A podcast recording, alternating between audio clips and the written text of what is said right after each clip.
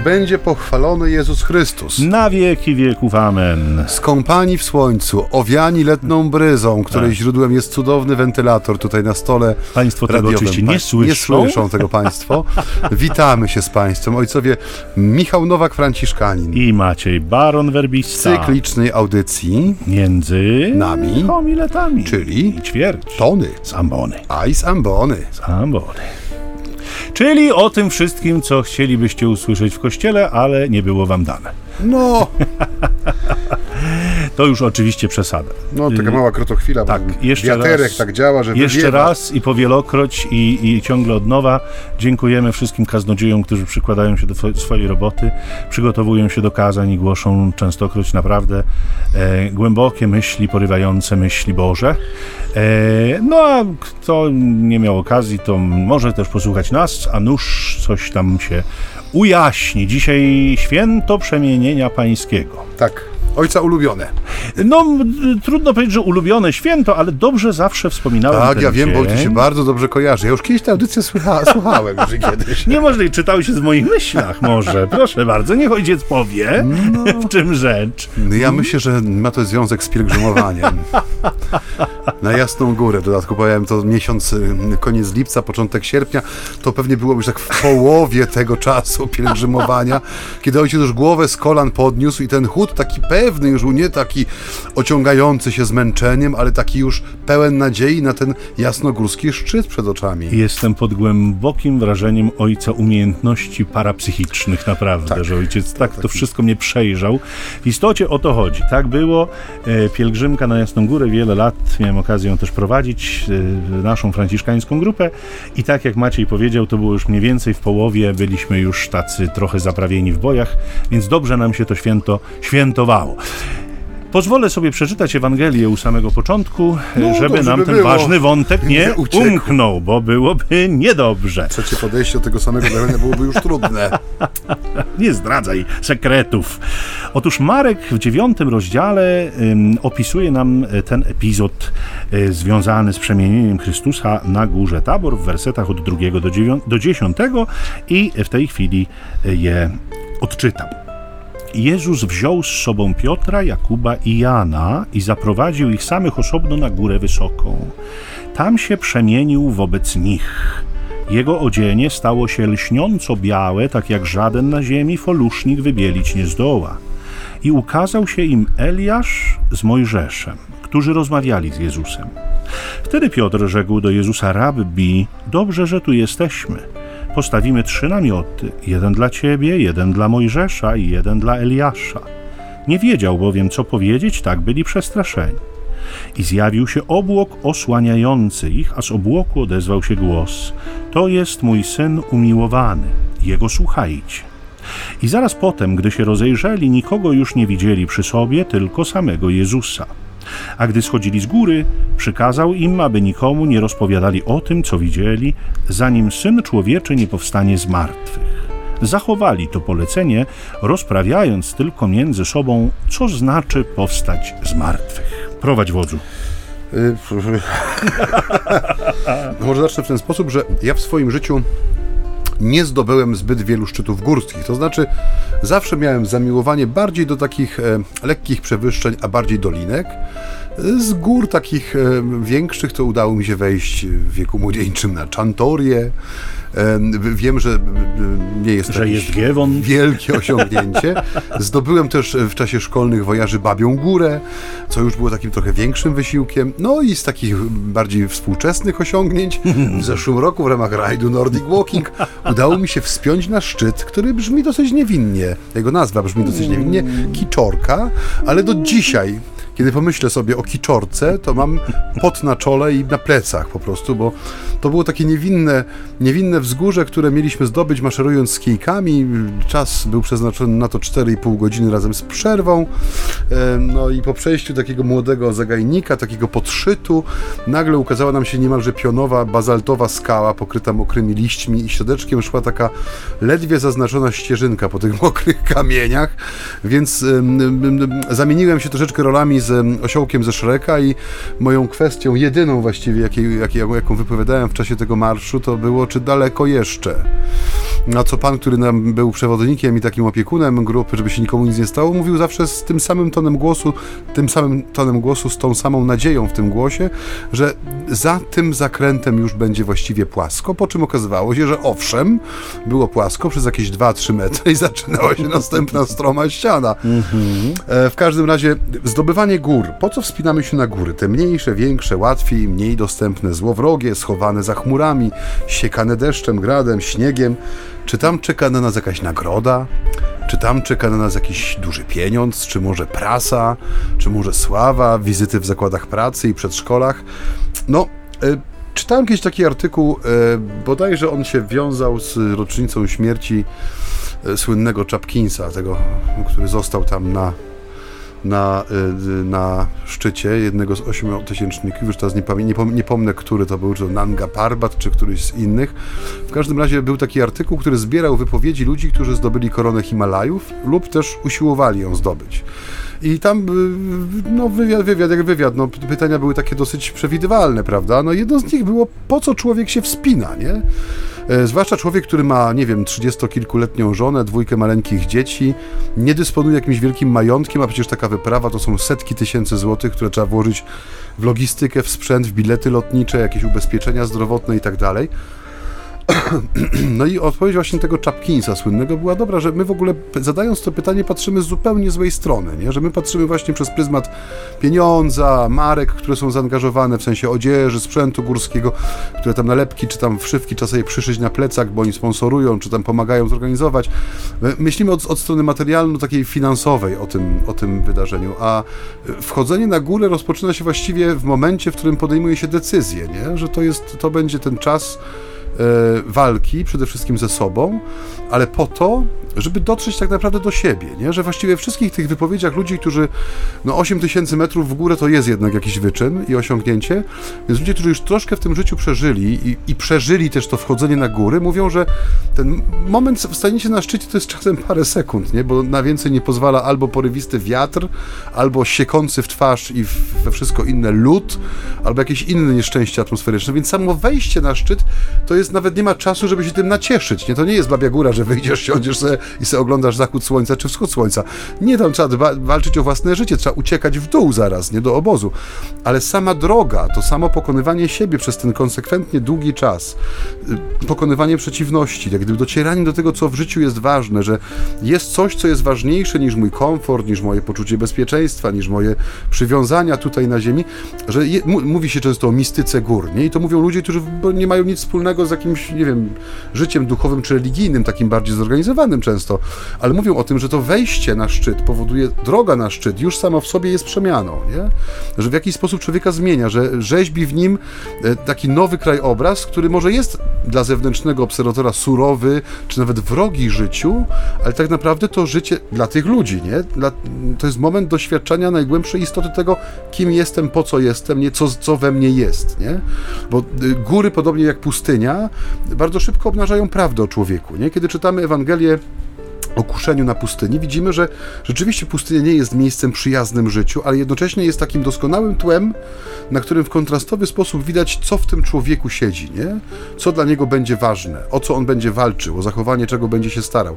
Więc e, ta dzisiejsza Ewangelia, która mówi nam em, o dosyć e, szczególnej chwili wspinaczki, e, ale nie, była to, nie było to wejście na, nie wiem, kępę, na której rośnie jakaś brzuska samotna, ale ewangeliści Mateusz i Marek zaznaczają, że Jezus zabrał tych trzech osobno na górę wysoką, nie? Że to y, ta góra przemienienia, góra Tabor, zgodnie z wszystkimi tymi danymi geograficznymi, to jest rzeczywiście spory szczyt. W zależności od tego, jak liczyć jego wysokość, czy bezwzględnie, czy względnie, w sensie od poziomu morza, czy jeziora galilejskiego, czy najniższego punktu w Palestynie, te wysokości są różne, ale ona rzeczywiście jest górą stromą, górą dosyć wysoką i wejście na nią to jest rzeczywiście doświadczenie, nie? To nie jest spacer, który można sobie zrobić w 15 minut, tylko to jest kilka godzin trudnej drogi wspinaczki pod A górę. kijków nie było. A nie było kijków, tak, ani, ani sponsorów, ani tlenu w butlach, nie? Na przykład. I. E, no i można sobie postawić pytanie, skąd u tych ludzi, którzy tak dosyć, no, do Galilea jakoś tam specjalnie górzysta nie była, nie? W sensie to deptanie wokół jeziora, po tych zielonych terenach, polach, pastwiskach i innych miejscach uprawnych, no jest przyjemne, jest takie ożywcze wręcz. I tu nagle jest y, fragment, który wyraźnie zaznacza, że w tym konkretnym dniu, w tym konkretnym celu Jezus zabiera tych trzech swoich uczniów na górę wysoką osobno, nie? Jak gdyby ewangelista chciał nam przez to podkreślić, że już to samo wejście, że nie sama góra przemienia, czyli szczyt, na którym dokonuje się to niezwykłe wydarzenie, tylko sama droga ma znaczenie, nie? Że Jezus, który mówi o sobie, że jest drogą, prawdą i życiem, pokazuje, że to nie zawsze będzie spacer po równinie, nie? To nie zawsze będzie spacer wśród gajów oliwnych, to nie zawsze będzie przejście wśród zielonych pól, gdzie można sobie jeszcze łuskać kłosy, czy nie zawsze będzie to przejście brzegiem jeziora, gdzie ożywcza bryza o zachodzie słońca ukoi zszargane nerwy po ciężkim dniu i u, u, uciszy e, wszystko e, tym, tym wieczornym trybem jeziora, ale że e, to bycie drogą, prawdą i życiem zakłada przede wszystkim u człowieka wejście na górę. I mówiliśmy już to wielokrotnie, że y, dzisiaj to też pewnie wybrzmi, że ta góra Tabor, ona nie może być rozpatrywana w oderwaniu od Golgoty, nie? Tak samo jak Golgota nie może być przeżywana bez góry Tabor, bo jedno bez drugiego nie może istnieć, nie? Jeżeli będziemy mieli tylko i wyłącznie górę Tabor w życiu, w sensie ten moment przemienienia, y, no to Golgota nas zmiażdży, nie? W sensie y, będzie nie do przejścia, będzie po prostu czymś, co odrzuci, co zgorszy. Jeżeli będzie u nas tylko Golgota, nie będzie tej wizji uszczęśliwiającej, nie? Tego oglądania Boga w chwale, to z kolei e, no, to chrześcijaństwo stanie się takim e, no, byciem pięknoduchem w świecie, który być może stawia jakieś wymagania czy przeciwności, ale będzie to chrześcijaństwo oderwane od rzeczywistości. Także ten trud wejścia na górę osobną wysoko przypomina nam o tym, że Tabor i Golgota, chociaż różnią się wysokością, to są jak gdyby jednym wzgórzem, nie? w sensie są jednym wydarzeniem.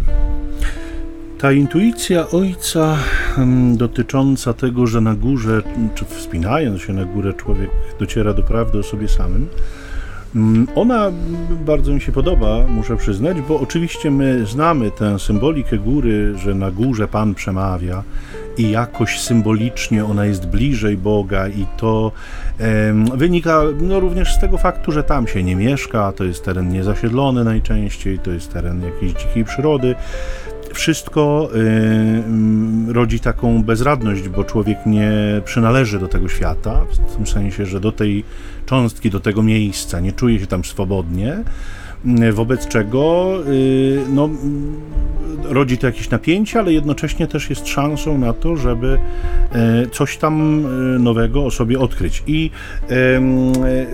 my bardzo często góry Tabor jako y, y, pewnego terminus technicus używamy takiego technicznego terminu, kiedy na przykład jedziemy na rekolekcję prawda? Mówimy, że jedziemy, wychodzimy na górę Tabor, na której tam sobie pobędziemy przez parę dni. Oczywiście bywa, że mówimy też o doświadczeniu pustyni, bo, bo one w, w tej warstwie symbolicznej są ze sobą odrobinę mm, e, związane. E, I przyznam szczerze, że e, ta perspektywa tego lepszego słyszenia Boga właśnie tam, w tym miejscu, mm, e, ona mi stanęła mocno przed oczami w lipcu, miesiąc temu, kiedy y, sam pojechałem na swoje rekolekcje, e, wiecie Państwo, że każdy zakonnik, ksiądz, siostra zakonna mają niejako obowiązkowe raz w roku rekolekcje, których muszą wysłuchać. Muszą czy chcą. No, jak obowiązkowe to muszą, ale oczywiście wielu, wielu z nas robi to z wielką przyjemnością i, i chęcią. Ja w tym roku zamiast rekolekcji naszych, zakonnych, wybrałem rekolekcję Lekcje Divina, o których już niejednokrotnie tu wspominałem na antenie, w Krakowie u księży Salwatorianów. I to rzeczywiście jest takie doświadczenie y, mojego wyjścia na górę, to tak się podzielę, rzeczywiście e, tam y, zawsze to piszę, zresztą w ankiecie, którą się wypełnia przy e, zgłaszaniu się na te rekolekcje, że na tych rekolekcjach Pan Bóg mówi do mnie najgłośniej. Nigdzie głośniej do mnie nie mówi niż właśnie tam. Paradoksalnie, paradoksalnie, jeżeli traktujemy miejsce góry Tabor, czy, czy w ogóle góry i pustyni jako miejsca samotne, takie samotnie, to na rekolekcjach no, raczej rzadko człowiek jest sam, chyba że je odprawia zupełnie indywidualnie gdzieś tam.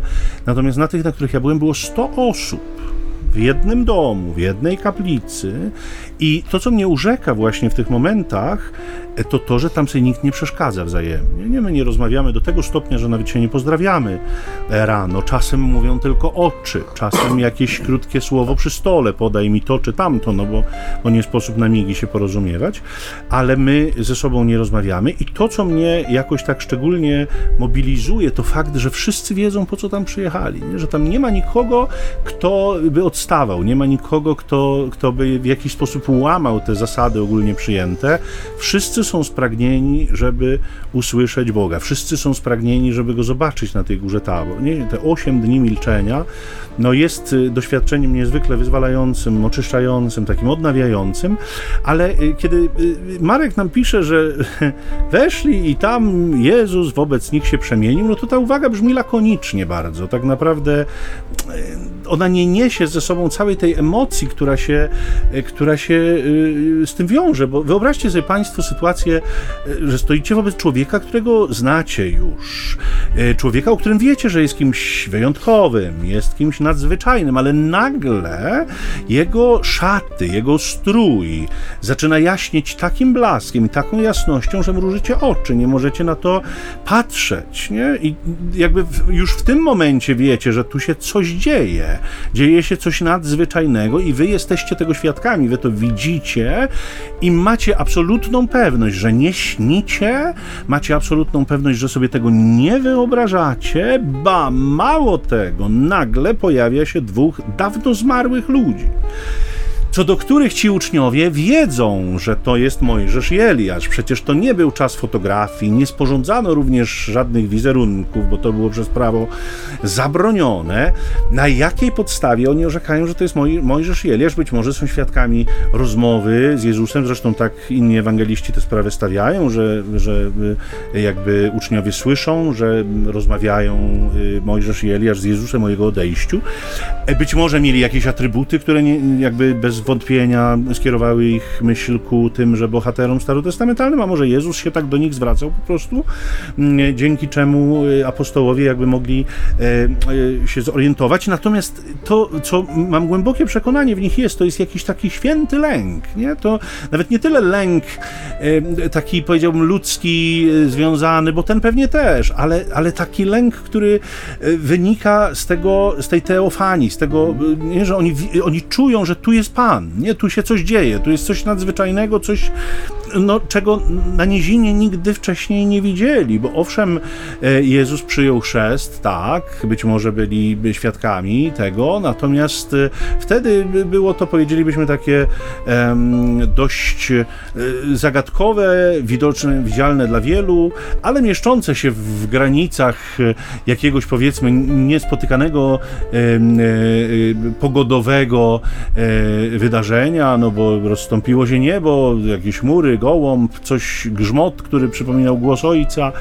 Natomiast tu dzieje się coś świętego. Tu dzieje się coś nadzwyczajnego. Hmm. Hmm. Jest taka książka um, Richarda Feynmana, Wykłady z fizyki.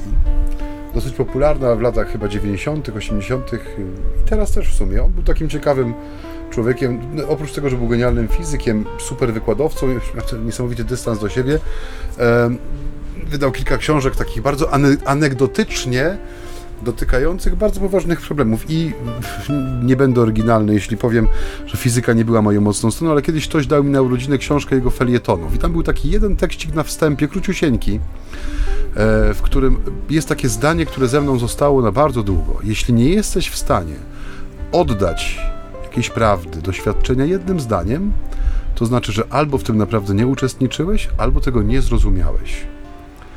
E, to była uwaga skierowana do e, młodych adeptów sztuki akademickiej, w sensie wykładowców i tak dalej. Nie? Chodziło o długość wykładów, skomplikowanie wykładów. E, do mnie pije ojciec? Czy... Broń Boże, ojcze. Pije do, do świętego Marka, bo powiedziałeś... Nie, nie, do świętego Marka pije, bo powiedziałeś, że on oddał jednym tak. zdaniem, tak lakonicznie, że tak. przemienił się wobec nich. E, I e, jest to jedno z tych zdań, które bywa przytaczane jako dowód na autentyczność Ewangelii, nie? że człowiek, który zmyśla, nieświadomie będzie miał zawsze tendencję do tego, żeby uwiarygodnić swoją historię niesamowitą masą detali. I jeżeli ktoś cierpi na taką przypadłość jak konfabulacja, jest w tym dobry, to jest autentycznym twórcą światów, bo potrafi i to w sposób powtarzalny zmyślić historię, nadając jej taką dozę prawdopodobieństwa, przez ilość szczegółów, które są wymienione, że słuchacz autentycznie przyjmuje to za prawdę, tak? No, skoro zapamiętał, nie wiem, że w, w, powiedzmy ktoś położył na stole chusteczkę, a ta chusteczka była z monogramem, a chusteczka była ekri, a monogram był lekki bordo i na końcu każdej literki była mała różyczka wyhaftowana szydełkiem numer 3 i tak dalej. No, nam to, nam w percepcji to sprawia, że ojej, skoro tyle szczegółów ktoś przekazuje, to na pewno to musi być autentyczne. Kiedy okazuje się, że na przykład jest to nieprawda, bo w kolejnej wersji to często w metodach policyjnych tak jest, nie? Że każe się człowiekowi, który twierdzi, że był świadkiem jakiegoś zdarzenia, powtórzyć to dwa, trzy razy, nie? W odstępie czasu. I widać na przykład, że zaczynają się rozjeżdżać szczegóły, że najpierw na przykład było auto bordowe, potem się okazało, że było zielone, najpierw, że wysiadło sześciu ludzi, potem, że czterech, najpierw, że mieli maski, potem, że kapelusze. Takie drobne detale sprawiają, że człowiek się zaczyna potykać w tej wersji, bo ona nie jest prawdziwa, nie? E, I komentatorzy, czy nawet krytycy, powiedzmy, e, autentyczności Nowego Testamentu, którzy twierdzą, że jest to jakaś projekcja, prawda, uczniów, którzy, e, którzy no nie wiedzieli, co zrobić, więc musieli stworzyć jakąś legendę o powstałym z martwych mistrzu i tak dalej, i dlatego dali się pozabijać za tą, za tą zmyśloną mm. przez siebie rzeczywistość. O tym się właśnie mówi, że argumentem kontra jest to, że w Ewangelii nie ma miejsca, w którym można by właśnie przyłożyć ten łom niespójności w detalach, nie? Bo y, jeżeli w czymś uczestniczyłeś, jeśli coś cię autentycznie przemieniło, no to na pytanie, co się stało, odpowiesz, spotkałem Boga. Nie? nie będę mówił, że w moich poszukiwaniach absolutu, po wielu latach lektury i medytacji, doznałem olśnienia, prawda, i tak dalej. Nie, po prostu spotkałem Boga, tak? E, przemienił się wobec nich. Nie? Jego szaty stały się lśniąco białe, jak żaden folusznik nie zdoła wybielić. A, a, od razu jak gdyby jest tutaj też argument dla tych wszystkich, którzy będą, no tam folusznik, tak, wybielić, tak, białe szaty, bo słońce wyszło i oświetliło. Marek daje relację bardzo prostą, nie? w sensie nie, nie, czy nie, nie pozwalającą na, e, na zwątpienie. Nie? To, jest, to jest doświadczenie, które zostało przekazane przez człowieka, który był, widział, uczestniczył. Nie?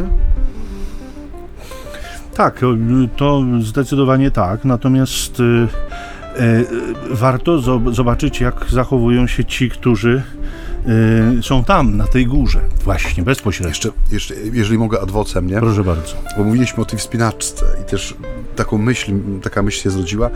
Ostatnio oglądałem, ma, też mało sportu oglądam w telewizji, ale widziałem po zakończeniu e, jakiegoś ultra mega Ironmana, facet, który przebiegł 800 ileś tam 50 kilometrów, nie śpiąc przez dwie doby, dokonał rzeczy niezwykłej, pobił tam rekord poprzednika o ileś tam godzin i tak dalej, no rzecz, wyczyn wpisany do księgi rekordów wszelakich i w ogóle. I to mi się podobało, że na końcu tam stała jakaś grupka, e, grupka telewizorów i radioodbiorników, w sensie dziennikarzy radiowo-telewizyjnych, internetowych z mikrofonami, z kamerami. No i ja, i człowieka, który przebiegł tysiąc kilometrów nie śpiąc, wspinając się po górach, biegając po krzokach. Jak się pan czuje? Jakie to uczucie, nie? I facet odpowiedział, wspaniałe. I padł na ziemię jak ścięta kłoda, go obłożyli kocami termicznymi, jakieś żele odżywcze mu do ust. Cały wywiad składał się z jednego słowa, nie? Oni weszli na górę, wysoką, nie? E, osobno. To była wspinaczka, nie? I to też może być... E, jak gdyby argument za tym, no jeżeli jesteś wyprany z tego wszystkiego, co zewnętrzne, bo koncentrujesz się na każdym kolejnym kroku, mięśnie muszą pracować, głowa musi czuwać, tak? Jeśli masz to opisać, w czym, w czym brałeś udział, to najprościej powiedzieć, yy, opowiedzieć o tak, jak to miało miejsce, nie? I to, to tak jak mówię, to pierwsze zdanie, w sensie ten, to, to zdanie opisujące to, co się wydarzyło na tej górze, znów jak gdyby potwierdza ten, tą intuicję, nie? że to byli ludzie, którzy na tej trasie zostali wyprani z tego, co zbędne, żeby zostało tylko to, co jest najważniejsze. I tak sobie patrzą i tak sobie słuchają. I Piotr ma bardzo pragmatyczne podejście do życia, więc y, proponuje takie założenie szkoły tam na tej górze. Y, y, przyznam, chyba pierwszy raz zwróciłem uwagę na to, że że on się zwraca do Jezusa rabbi, tu w tej wersji ma markowej. Mhm. Rabbi to jest to słowo, które zawsze nam się z Judaszem raczej kojarzy. On tak się do Jezusa zwracał, Piotr rzadziej chyba.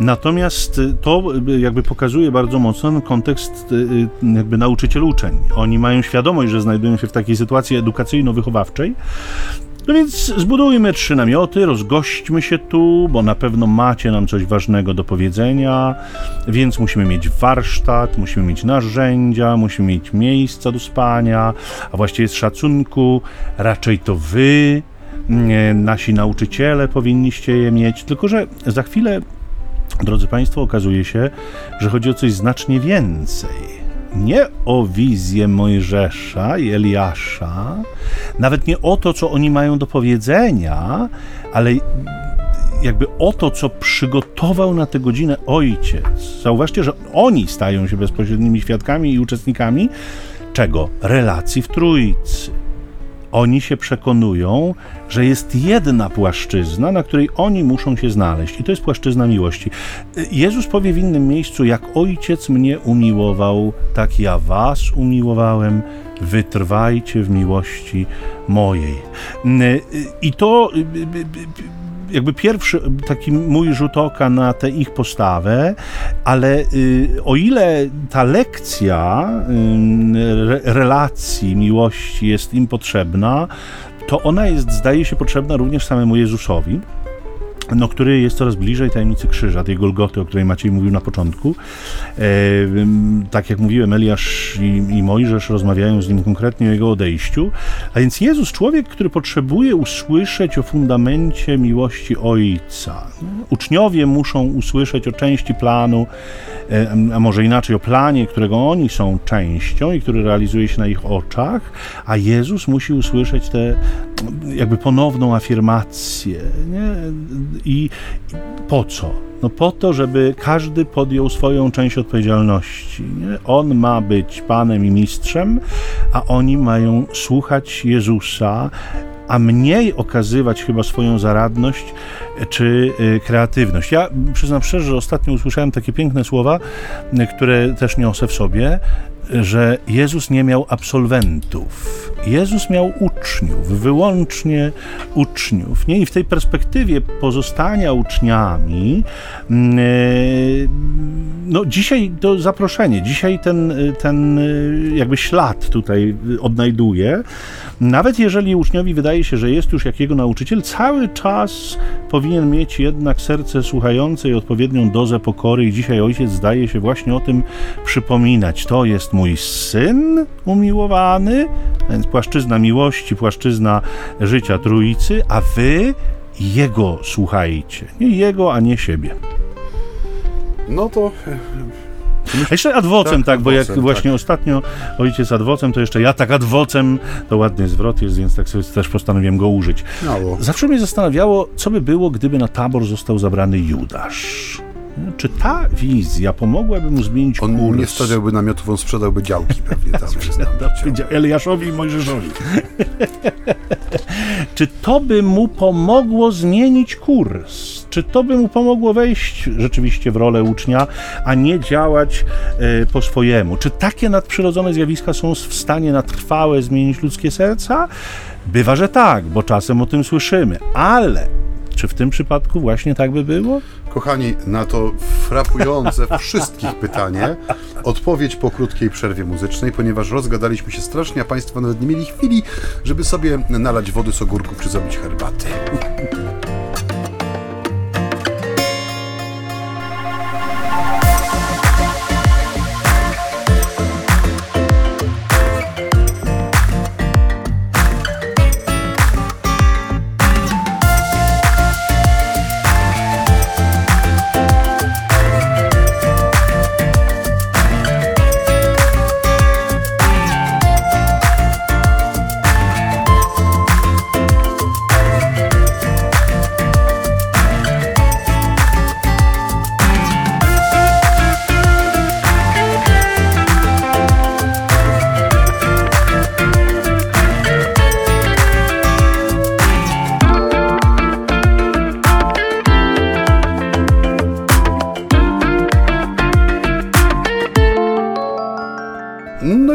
Państwa po krótkiej muzycznej przerwie, jak zawsze, na herbatkę czy jakiś inny napój. Wodę z ogórku właśnie Wodę z zapowiedział. Mam nadzieję, że któryś z, zdrowa państwa, bardzo. ktoś z Państwa tak spróbował. E, ojciec Michał postawił takie ważne pytanie, czy gdyby na tej górze przemienienia znalazł się zamiast tych trzech opisanych przez Marka i Mateusza uczniów Judasz, czy to zmieniłoby coś w jego dyspozycji serca, jeżeli chodzi o jego bycie uczniem? Bo wiemy, że no, mówiąc tak bardzo kolokwialnie, u Judasza troszeczkę nie pykło, jeżeli chodzi o absorpcję Ewangelii, dobrej nowiny i percepcję jej głosiciela, czyli Jezusa z Nazaretu. Tam cały czas prawdopodobnie przez wszystkie możliwe przypadki był odmieniany zaimek osobowy ja, mnie i moje. I dlatego też e, no, dramat tego człowieka jest żywy od 2000 lat i ciągle jest jakimś tam zarzewiem pewnej dyskusji, prawda? Bo ostatnio też tam słyszałem właśnie jakieś e, rewelacje jednego z teologów, e, nie wiem czy katolickich, czy protestanckich, który właśnie tam usiłował jak gdyby uczynić z, z, tego czynu Judasza odpowiednik tego, co my wyśpiewujemy w egzultecie, czyli Felix Culpa, prawda? Że, że to było takie e, radosne i zbawcze i że on się może raczej cieszyć wspólnotą ze świętymi, a nie powszechnym potępieniem i tak dalej. No, no troszeczkę dla mnie interpretacja na wyrost, ale e, pytanie ojca Michała y, jest o tyle mm, no, zasadne i słuszne, że ta audycja służy właśnie temu, żeby usłyszeć może troszkę inaczej to słowo niż z reguły słyszymy jest ambony, czy, czy w czasie homilii, żeby też postawić sobie może jakieś pytania, e, które nam rozbiją ten pancerz interpretacji, które przez dziesięciolecia, czy, czy nawet dłużej, e, no gdzieś tam wytworzyliśmy sobie i popatrzeć na tę perykopę y, troszeczkę z własnej perspektywy, nie?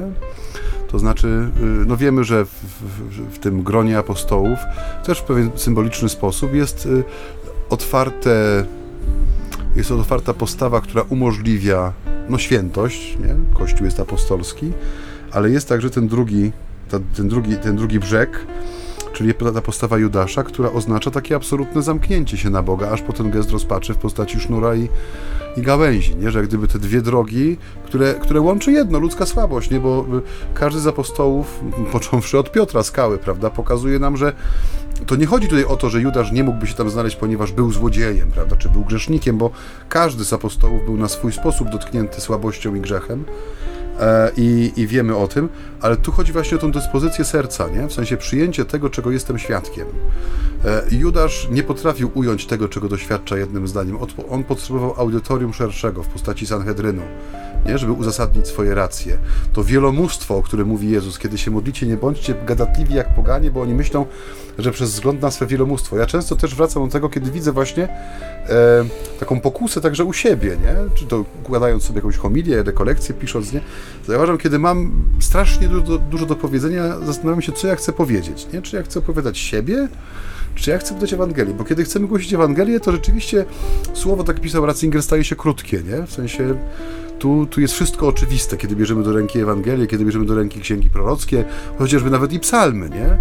To nie, są, to, nie, to nie jest słowotok, nie? To nie są potoki słów, to nie jest tłumaczenie siebie, to jest opowiadanie Pana Boga. I, no i tutaj też w tym fragmencie, który dzisiaj rozważamy, wydaje mi się, że jest to istotne, w tym sensie językowym także, że e, ta zwięzłość opisu i konkretne osoby, które są tutaj przedstawione, że to wszystko ma swoje miejsce, ma swoje znaczenie, nie? Także dla nas dzisiaj.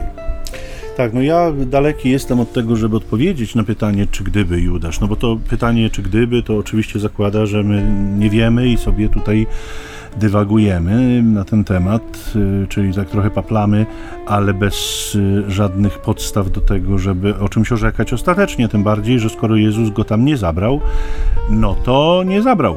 Miał bardzo konkretny plan i wiemy dlaczego. W te miejsca, trzy szczególnie ważne, e, kiedy objawiał swoją chwałę, kiedy objawiał, że jest Panem życia i śmierci, wskrzeszając córkę Jaira i kiedy drżał na całym ciele i pocił się krwią w Getsemani, wybrał właśnie tych trzech apostołów i zawsze tych samych trzech zabierał. Oni mieli stać się fundamentem tej wspólnoty. Piotr y, jej głową ziemską, widzialną, mm, Jakub pierwszym, który odda życie za Chrystusa, mm, no i e, Jan jako ten, który będzie żył najdłużej i mm, jakby wypowie najgłębsze, najbardziej mistyczne, pobudzające do kontemplacji ludzkie serce prawdy o Jezusie. Judasza tam nie było, więc ten wątek może być tylko takim sobie przyczynkiem do ewentualnej refleksji właśnie chyba nad tym, czy czy tego rodzaju duchowe doświadczenia prowadzą do trwałych zmian E, w życiu. I tak jak mówię, opieramy się na doświadczeniach wielu, którzy mówią, że no właśnie tak, właśnie w takich kontekstach się nawrócili i to nawrócenie w nich jakby ostało się i przetrwało, więc pewnie tak i to dobrze. Nie?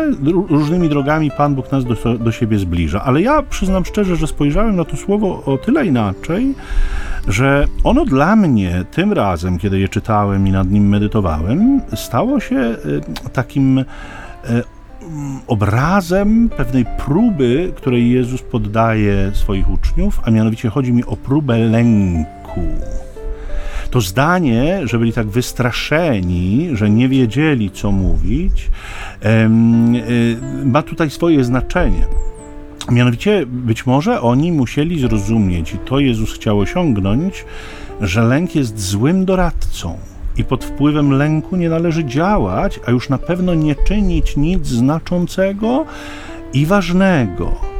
Czy ta lekcja, drodzy Państwo, nie zostanie zweryfikowana w życiu Piotra na dziedzińcu arcykapłańskim, kiedy to właśnie lęk sprawi, że on się wyrzeknie najważniejszej relacji swojego życia? Zawsze mnie to uderza, że wyrzeka się Jezusa trzykrotnie, nawet nie wymieniając go z imienia. I to jest taki lęk, który odbiera trzeźwość myślenia. To jest taki lęk, który sprawia, że mm, e, e, po prostu człowiek nie myśli racjonalnie. W odróżnieniu od lęku, o którym którym będziemy mówić za tydzień, kiedy Piotr wyjdzie z łodzi po to, żeby przyjść do Jezusa i tam pojawi się taki lęk, który będzie zbyt racjonalny, który będzie po prostu lękiem trzeźwiącym i powtarzającym w człowieku to niemożliwe, to niemożliwe.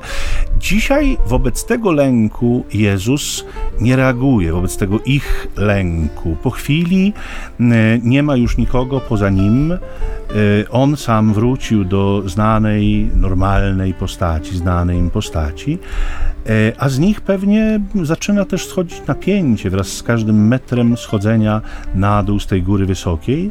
Ale Jezus ma wobec nich jeszcze jedno, pewnie bardzo trudne oczekiwanie, mianowicie nie mówcie o tym nikomu, aż do czasu no weź, nie opowiedz tak nadzwyczajnego wydarzenia, w którym brałeś udział i nie opowiedz tego każdemu, kto tylko będzie chciał słuchać. To, to jest szalenie trudne oczekiwanie Jezusa, ale milczenie to też jest lekcja wiary. Drodzy Państwo, nie zawsze, nie o wszystkim, i nie każdemu tak. należy mówić. A zwłaszcza jeśli chodzi o moje osobiste przeżycia z Jezusem, one nie powinny być e, przedmiotem jakichś gawęd typu ciekawostkę mam dla ciebie, to ci tak opowiem, co mi się ostatnio w życiu duchowym przydarzyło. Takie traktowanie życia duchowego byłoby chyba nie do końca poważne i narażalibyśmy się na śmieszność i chyba naszego Pana, e, którego postawilibyśmy w takiej właśnie sytuacji odrobinę również. No, tak jak powiedziałeś, y, doświadczenia życia duchowego, szczególnie ta relacja z, z Jezusem, którą człowiek wierzący mm, no, pielęgnuje w sobie i rozwija, nie powinna być przedmiotem takim łatwo ogólnodostępnym. Tu chyba się bardzo mocno odnoszą te słowa samego Jezusa, żeby pereł nie rzucać przed świnie, tak? Żeby nie dawać psom tego, co święte. To znaczy, żeby mieć świadomość tego, że są rzeczy w naszym życiu, które są, tak jak między małżonkami są rzeczy, które nie wychodzą poza, e, poza ich dom, prawda? Poza ich mieszkanie, wspólne bycie razem.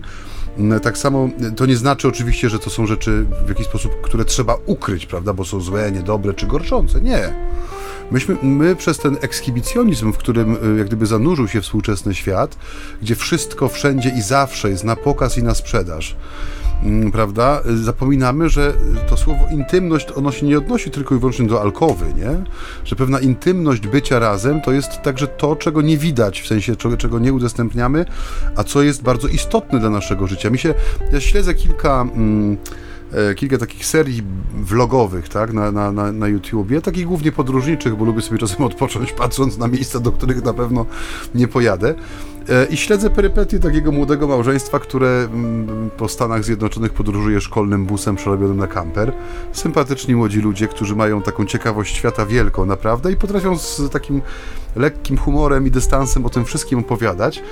Ale jedna rzecz, kiedyś był taki odcinek tak zwany QA, czyli pytania i odpowiedzi. No i tam odnosili się do konkretnej sytuacji, czy nawet zarzutów, prawda, że, mm, że dlaczego tak mało, nie, z waszego życia, takiego w sensie poza tego poza turystycznego, no bo cały blog jak gdyby, no dla nas, dla mnie jako odbiorcy, ci ludzie to są podróżnicy, nie? Którzy, no, jadą do Yellowstone i pokazują mi gejzery, tak? Swoimi, swoimi oczami, swoimi nagraniami. Jadą gdzieś tam w dzikie ostępy Montany i pokazują mi nieprze, nieprzeniknione głębie lasu, czy jakiejś puszczy, która się tam ostała, tak?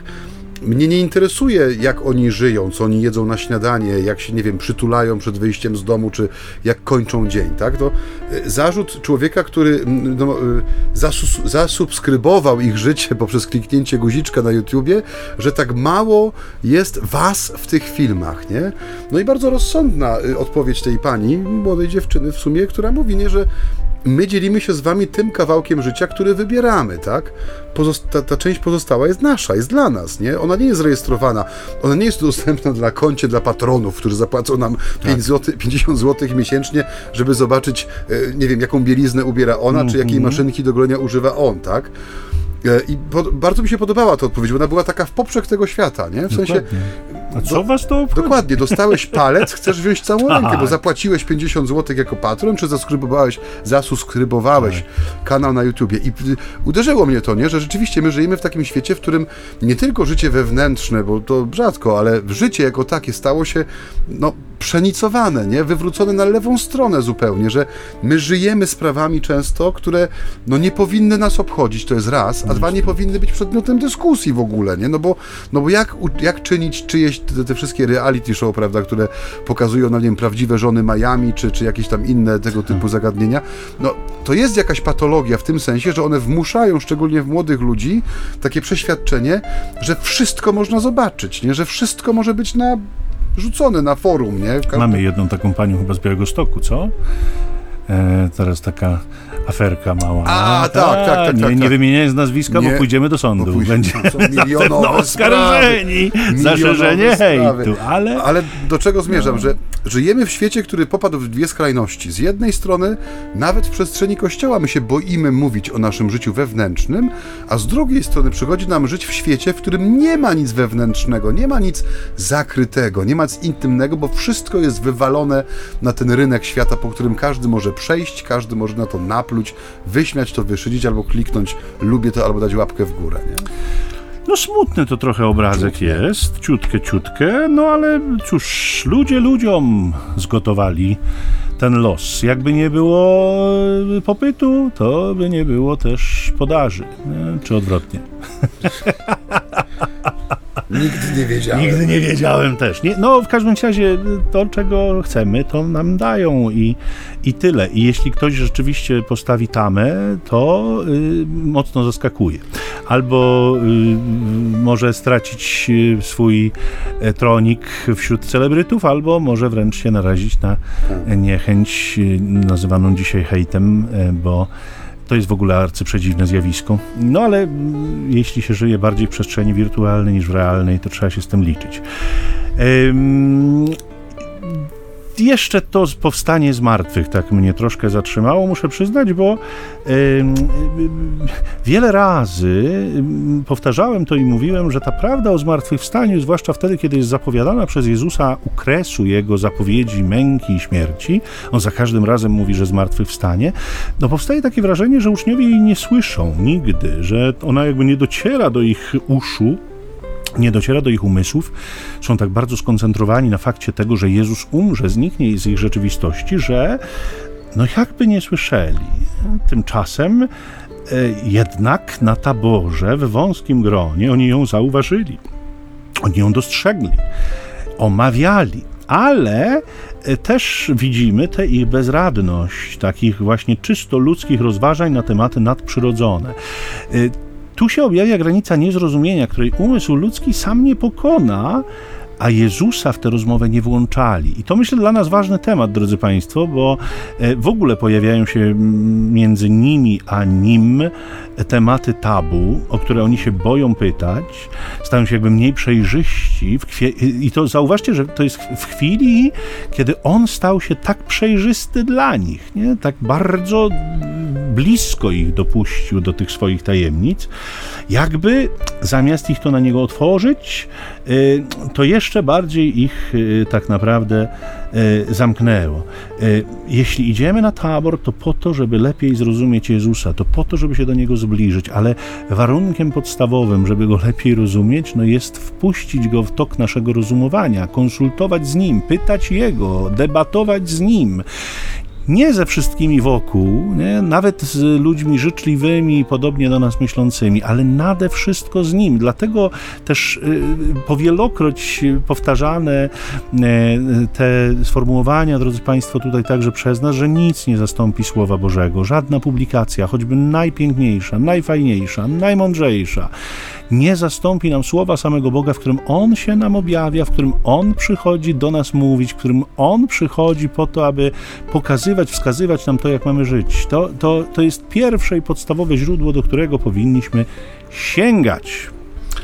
I sięgając do źródła, jednocześnie będziemy musieli się z Państwem pożegnać, więc zostawimy Was z tym, co sobie zaczerpniecie i miejmy nadzieję, że to będzie żywa woda, żywego słowa, które rzeczywiście no dzisiaj e, skłania do refleksji, skłania do pomyślenia. I taką mieliśmy nadzieję, ponieważ nie będziemy ukrywać, że Ewangelia o taborze no, pojawia się co roku, więc to już jest któraś z rzędu audycja w sensie tego, te, tego I to tematu. Nie raz. I to nie raz. I nie jest łatwo przygotować myśli i słowa, które no, będą świeże, odkrywcze i zdajemy sobie z tego sprawę, ale jednocześnie po raz kolejny potwierdza się, że e, no, to słowo jest żywe i skuteczne, że ono cały czas prowadzi myśl, prowadzi nas, e, wierzymy, że Bożym Duchem do waszych uszu i serc. E, I z tą myślą Was zostawiamy. Może dzisiaj e, ojciec Michał nas pobłogosławi, przypominając jeszcze, że można wyrazić swoją opinię na temat naszych audycji. E, zapraszamy do kontaktu telefonicznego. Numer poda ojciec Michał. Ja zapraszam na stronę facebookową. Tam jest taki profil, który można sobie wystukać. Nazywa się dokładnie tak jak nasza audycja. Dołączyć do tejże społeczności i tam pojawiają się rzadziej niż bym chciał, ale w miarę regularnie zapowiedzi odcinków, różnego rodzaju tam komentarze, tudzież refleksje refleksje inne zamieszczane przez Was. Także myślę, że warto tam zajrzeć, zostawić łapkę w górę. Tak. Ja też sugeruję, drodzy Państwo, że jeśli macie jakieś zastrzeżenia techniczne takie do audycji, to warto konsultować to bezpośrednio z Radiem Niepokalanów, bo my jakby mamy dość ograniczony wpływ na to, jak ta audycja wygląda. My natomiast tutaj gawędzimy i do treści można się, że tak powiem, odnosić pod numerem telefonu 785 777 100. 785 777 100. I, I, I by było. Tak. Drodzy Państwo, na ten czas, który przed nami, który przed Wami, niech Was błogosławi Wszechmogący i dobry Bóg Ojciec i Syn i Duch Święty. Amen. Amen. Trwajcie w pokoju Chrystusa. Bogu niech będą dzięki.